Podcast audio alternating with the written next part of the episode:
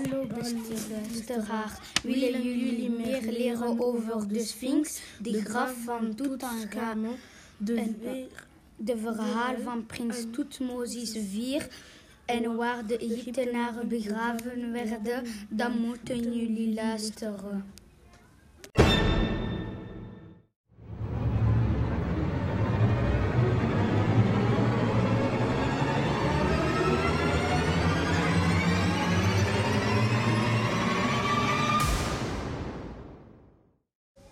Waar is de Sphinx? Een op wat gelijkt die? De, de grote Sphinx van Gizeh ligt naast de dodentempel van Chefren.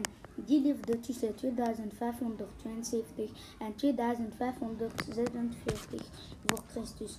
Staat tussen de drie piramides van Gizeh, heeft de lijf van een leeuw en de kop van een mens. De Sphinx is 73 meter lang, 19 meter breed en 20 meter hoog. De Sphinx is van kalksteen.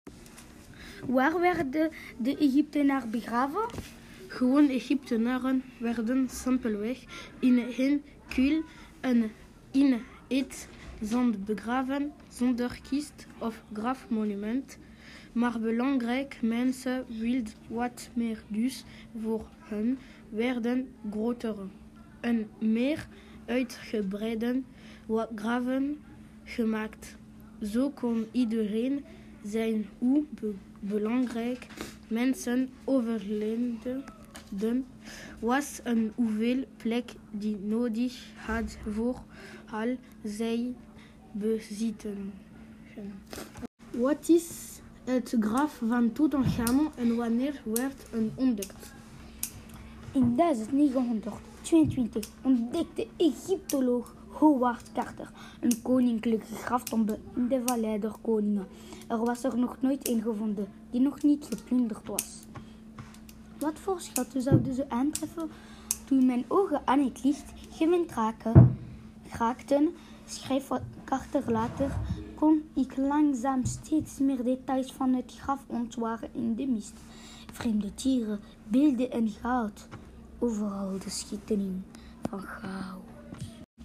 Wat zegt het verhaal van prins Toetmozis weer? Er is een verhaal van prins Toetmozis weer waarin hij vertelt dat hij in een droom de opdracht kreeg de Sphinx van honderd het zand uit te graven. Als denk zou de Sphinx hem farao maken.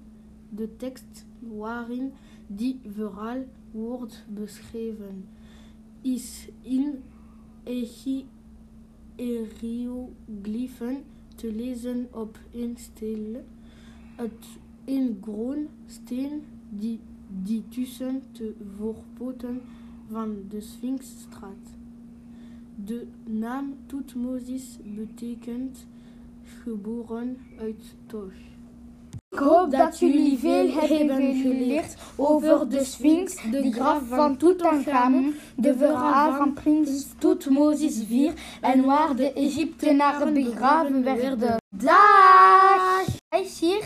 En Emmanuel.